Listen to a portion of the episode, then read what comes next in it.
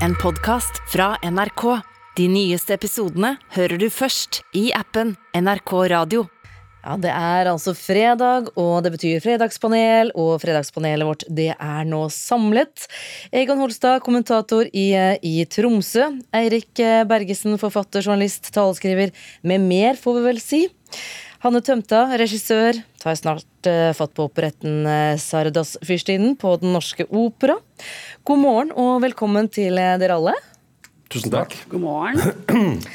Vi gyver løs på første tema. Det henger sammen med hva vi nettopp så og hørte i Nyhetsmorgen.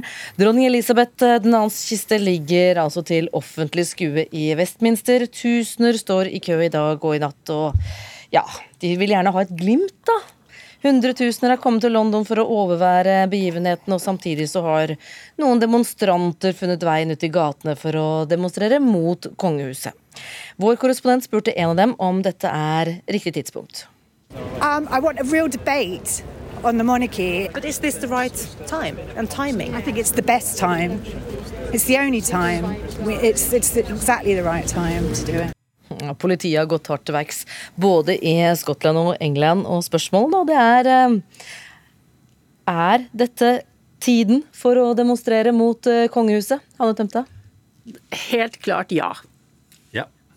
Egon Olstad? Ja, alltid. Ja, du verden, her var det bred enighet. Eh, Hanne Tømta, du kan få begynne. Jeg er på linje med hun som nettopp var i innslaget. Eh, det å ha en eh, ordentlig debatt rundt institusjonen, monarkiet i England, det er jo en glimrende anledning å gjøre nå. og Det betyr jo ikke at man snakker stygt om den som er død, eller på en måte tråkker på det som har vært. Jeg tenker at England er i en situasjon hvor de må se fremover. Eh, og finne ut av hvem de vil være i fremtiden som nasjon. Så for meg er dette bare et veldig godt tidspunkt. Erik Bergesen. Ja, jeg tenker at Hvert styresystem må tåle kritikk, og man kan ikke begynne å ha ulike regler for monarkiske og politiske eh, delene av det hele. Og så hører vi til historien at eh, i 2013 så endret Storbritannia loven sin og tok bort dette med at insulting language ikke var lov. Og når man arresterer folk med tomme plakater, så blir det ganske meningsløst. Det er jo ting vi ser i andre land. Og så legger jeg også merke til at kritikere sånn som eh, komiker Abu Hussein, eh, som, som, er, som tør å si fra, eh, han får høre ting som i Norge respekterer vi hverandre. Dra til helvete tilbake til hølet der du kommer fra. som er noe paradoksalt. pluss at Pakistan ligger en tredjedel under vann, og tusener er døde og millioner er uten hjem. Så det store bildet her må vi også ta med oss. Egon Holstad? Nei, jeg, jeg syns i det hele tatt at det er et spørsmål om man skal diskutere monarkiet i England uh, nå, er, er, helt uh, skrudd. Uh, altså det her er det, De det er snakk om her, det er altså folk som kun har fornavn, som går med krone, og som bor i slott og forlanger å bli tiltalt da, som Deres Majestet, og som har representert et digert imperium i mange, mange, mange hundre år. og Hvis ikke det er selve definisjonen på å sparke oppover, så, så, skjønner ikke jeg. Så jeg tenker liksom at eh, den her avleggs eh, middelalderske konstitusjonelle antikviteten som monarkiet er, må til enhver tid legges under lupen og, og, diskuteres. Ikke bare i England, men selvfølgelig også her hos oss. Eh, vi er jo tross alt bare en liten sånn teknisk justering i odelsloven fra å ha en, en prins som tror han er ei øgle og som er klin gæren og tror at en pandemi kan løses med en medaljong osv. Så sånn det er klart at det her må diskuteres. Eh, og Det er glimrende anledning å gjøre det når dronning Elisabeth er død. Vi burde begynne med det her i Norge òg, eh, i mye større grad før kong Harald er død. For jeg husker også da kong Olav døde, og det kun var klassisk musikk på radio. Det var forbudt å danse og alt det tullet der. Men, men hvil i fred, er det jo noe som heter. Er det ikke greit å la de døde nettopp uh, få det, da? De kan jo ikke forsvare seg? Nei, Jeg tror dronning Elisabeth har det ganske fredelig der hun ligger i kiste og triller rundt i England, så jeg tror det går helt aldeles fint for hennes del. Det er altså bred enighet om at dette er rett tidspunkt for å diskutere monarkiet. Det, det er det ingen tvil om her i Fredagspanelet. Vi, vi går til neste tema. Eh, forsvarsadvokat Frode Sulland han mener Abida Rajas bok 'Frihetens øyeblikk' ikke burde kommet ut mens etterforskningen fortsatt pågår. Min bekymring knytter seg til eh, den påvirkningen som både boken og all medieoppmerksomheten rundt den kan ha på både etterforskning og en eventuell etterfølgende rettsprosess. Ja, I denne boka så forteller Abida Raja om eh, psykisk og fysisk vold. For et par uker siden da kom Netflix med en egen serie om Lørenskog-forsvinningen, også den før saken er eh, oppklart. Spørsmålet er er det riktig å fortelle disse historiene mens sakene fortsatt er under uh, etterforskning? Ja. Eirik Bergesen? Ja. ja. Egon Olstad? Eh, tja um, eh, Sier jeg da eh, bryt ut av det store ja, så jeg får kanskje jeg ordet først. Ja, du får det, vet du. Ja, ja og da, det, det, jeg mener at, altså Spørsmålet er litt, er litt underlig. Det er om, om, det, om, det, er rett eller ikke. Det er vel mer om, om, om man har rett til, til, å gjøre det. Og, og det er klart at eh, opinionen kan påvirkes av at en sak blir belyst veldig kraftig fra, fra både media og, og, og fra, fra, litteraturen og fra, fra TV-produksjoner og sånn. Eh, men det er jo en, altså det, og denne saken er jo jævlig vanskelig, men, men i prinsippet her så, så, er det jo ytringsfrihet, og det gjelder jo for alle parter i, i, i en sak.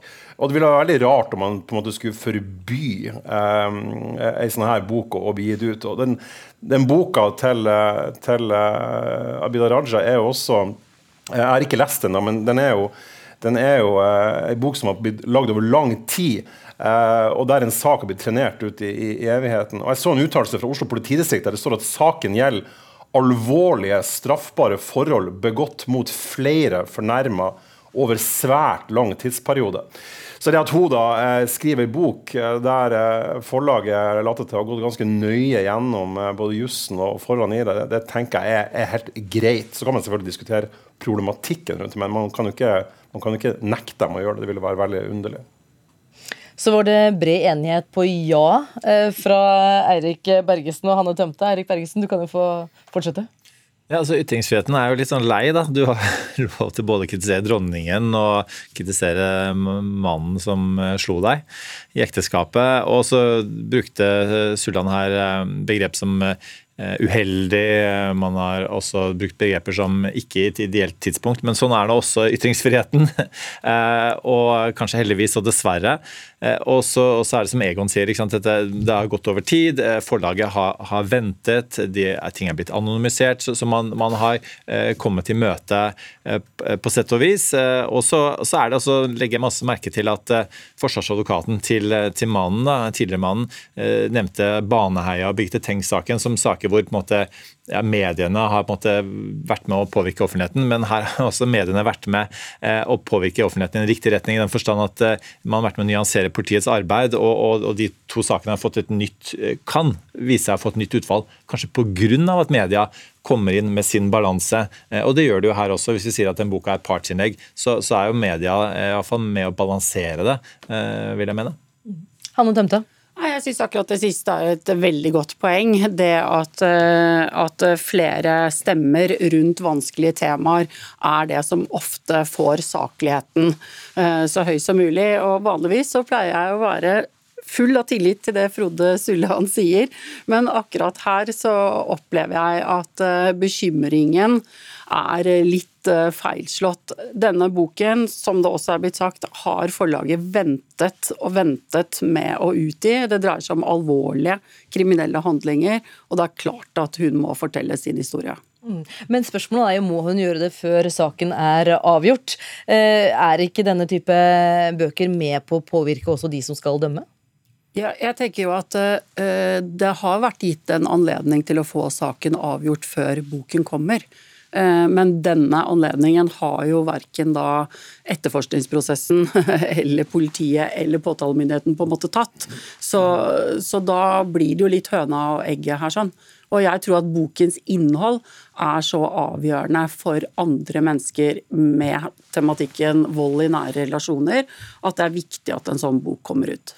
Vi konkluderer med at eh, Fredagspanelet hyller eh, ytringsfriheten og sier at den, er, eh, den står høyt. Vi bytter tema.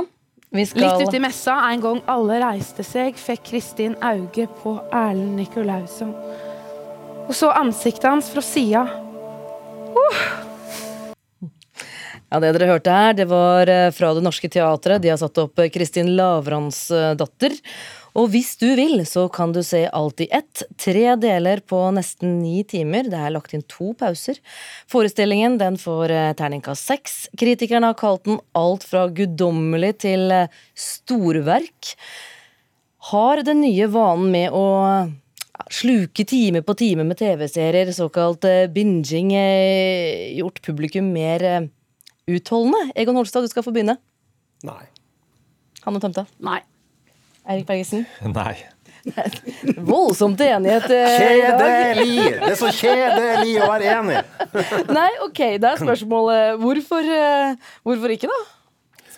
Nei, jeg tenker jo at eh, Det er jo et rart premiss her. At, for det er liksom sånn Hvis vi ser lenge på TV, så ser vi lenge på teater. Eller hvis vi leser lange bøker, kan vi da høre på lange musikkstykker? Eller det er noe med på en måte inngangen. Jeg tror det at uh, denne forestillingen, hvis vi snakker om Lavransdatter uh, spesielt, det er en forestilling som har et materiale som er meget omfattende i volum. Og så har det jo blitt en fantastisk bra forestilling som gjør at man vil se på. Og, Vigdis Finnbogadottir hun har alltid hatt et sånn gøyalt poeng. Hun sier at uh, når vi mennesker ser på TV, så er de vi ser på så bitte, bitte små.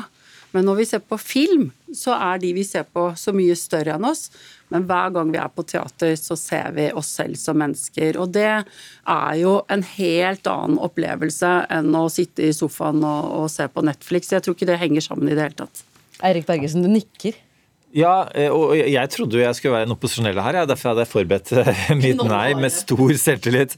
Nei, altså det å binge altså ok, Hvis teatret kommer hjem til deg der du ligger på sofaen og henter øl til deg i kjøleskapet og bestiller pizza for deg, da kanskje er det, er det analogt. Eh, men ellers så tror jeg det er ganske forskjellig det å komme seg til teatret. Jeg intervjuet akkurat i, i noe som heter Kommunikasjonspodden. Eh, en som står bak medieundersøkelsen Ung, og den viser jo på en måte at, at ungdom altså Vi følger jo etter ungdom hele veien når det gjelder medievaner. og Nå har vi fulgt etter inn, inn på Snap, eh, og snart blir TikTok det neste. og Alt som kjennetegner det, er at det, det er mer visuelt og, og, det er kortere. Så det er jo veldig motstrøms, dette. Eh, så, så den mediebrukeren er, for å sitere Sigrid Undset eh, selv, han var ikke skapt til å klatre i kunnskapens tre. Og det er dessverre utviklingen. Egon Holstad? Jeg tenker at, at ei teateroppsetning, altså at ett teaterstykke på ni timer er, er, får gode kritikker, er kanskje ikke helt det samme som at det her er den nye malen. da. Um, og jeg, jeg var sjøl på teater nå eh, tidlig i uka, og jeg tenker hvis, hvis jeg fikk beskjed om at det stykket har vart i ni timer, så tror jeg faktisk jeg har funnet på noe annet. For meg så høres det ut som ren tortur. Uh, og, og, jeg tenker at det, det, som er, det som er kult med den såkalte binginga, der man ser masse episoder av serier, er at man kan stoppe og, og, og ta en pause hva tid man vil. Og, og skulle jeg liksom ha sett hele Sopranos i ett strekk, som da er tre døgn og 14 timer, eller noe sånt, alle 86 episodene, så tror jeg selv det har fått meg til, til, til å knele. Eh, så jeg tenker liksom, Det du ikke får sagt på tre timer innenfor kulturelle uttrykk eh, i, sånn, i ett strekk, det kan du bare drite i. og Eventuelt støkke det opp i flere kapittel eller i flere episoder lurer litt på om du må få lov til å si noe om det, tømt deg? Nei, det er jo, jeg er jo vant med at uh, det er friske meninger fra nord, men jeg tenker at uh, her er det liksom mye snørr og barter. Det er jo ikke sånn at uh, alt teater som varer mer enn tre timer er umulig å se på. Altså, nå, nå jeg kan si, jeg kan si tre, tre, tre, og en halv, tre og en halv time. Ja, men ja. Eh, da kan jo du se Kristin Lavransdatter som har pause etter tre og en halv time. Ja, det er ja, ni, ni, timer teater, det, det, har jeg rett og slett ikke kulturell hjerne til. Og det, og det, Nei, men det er bra at du sier at det er hjernen som sliter, da. Ja, og det, er jeg helt ærlig på. Akkurat som jeg syns jo Ramones eh, ofte kommer fortere til poenget enn Yes.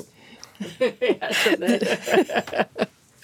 Vi får konkludere med at i utgangspunktet er enighet om at uh, ni timer ikke er den nye malen. Er det ikke så? Takk skal dere ha, alle sammen. Egon Holstad, kommentator i, eh, i Tromsø. Eirik Bergesen, forfatter, journalist, taleskriver. Og Hanne Tømta, regissør. Takk skal dere ha. Takk. Du har hørt en podkast fra NRK.